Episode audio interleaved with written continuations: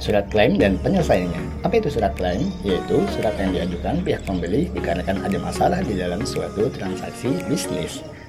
Berikutnya adalah penyebab terjadinya klaim. Satu, keterlambatan pengiriman barang. Dua, barang pesanan tidak sesuai dengan contoh. Tiga, barang pesanan rusak atau cacat. Empat, jumlah yang dipesan kurang atau tidak lengkap. Lima, merek berbeda dengan yang dipesan.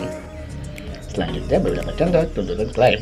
Satu, membatalkan pesanan. Dua, minta ganti rugi. Tiga, minta potongan harga. Empat, minta barang untuk dibuka. Lima, minta tambahan barang sesuai kekurangan. Enam, meminta dikirim tenaga teknisi. Selanjutnya, syarat-syarat pengajuan klaim.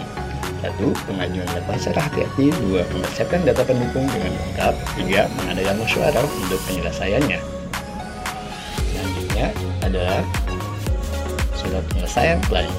Tindakan yang harus dilakukan apabila terjadi suatu klaim. Satu, menyelidiki kebenaran tuntutan. Dua, tidak emosional. Tiga, jika benar, diselesaikan secara musyawarah. Empat, kalau tidak benar, perlu memberi penjelasan dan alasan yang tepat. Sekian, terima kasih.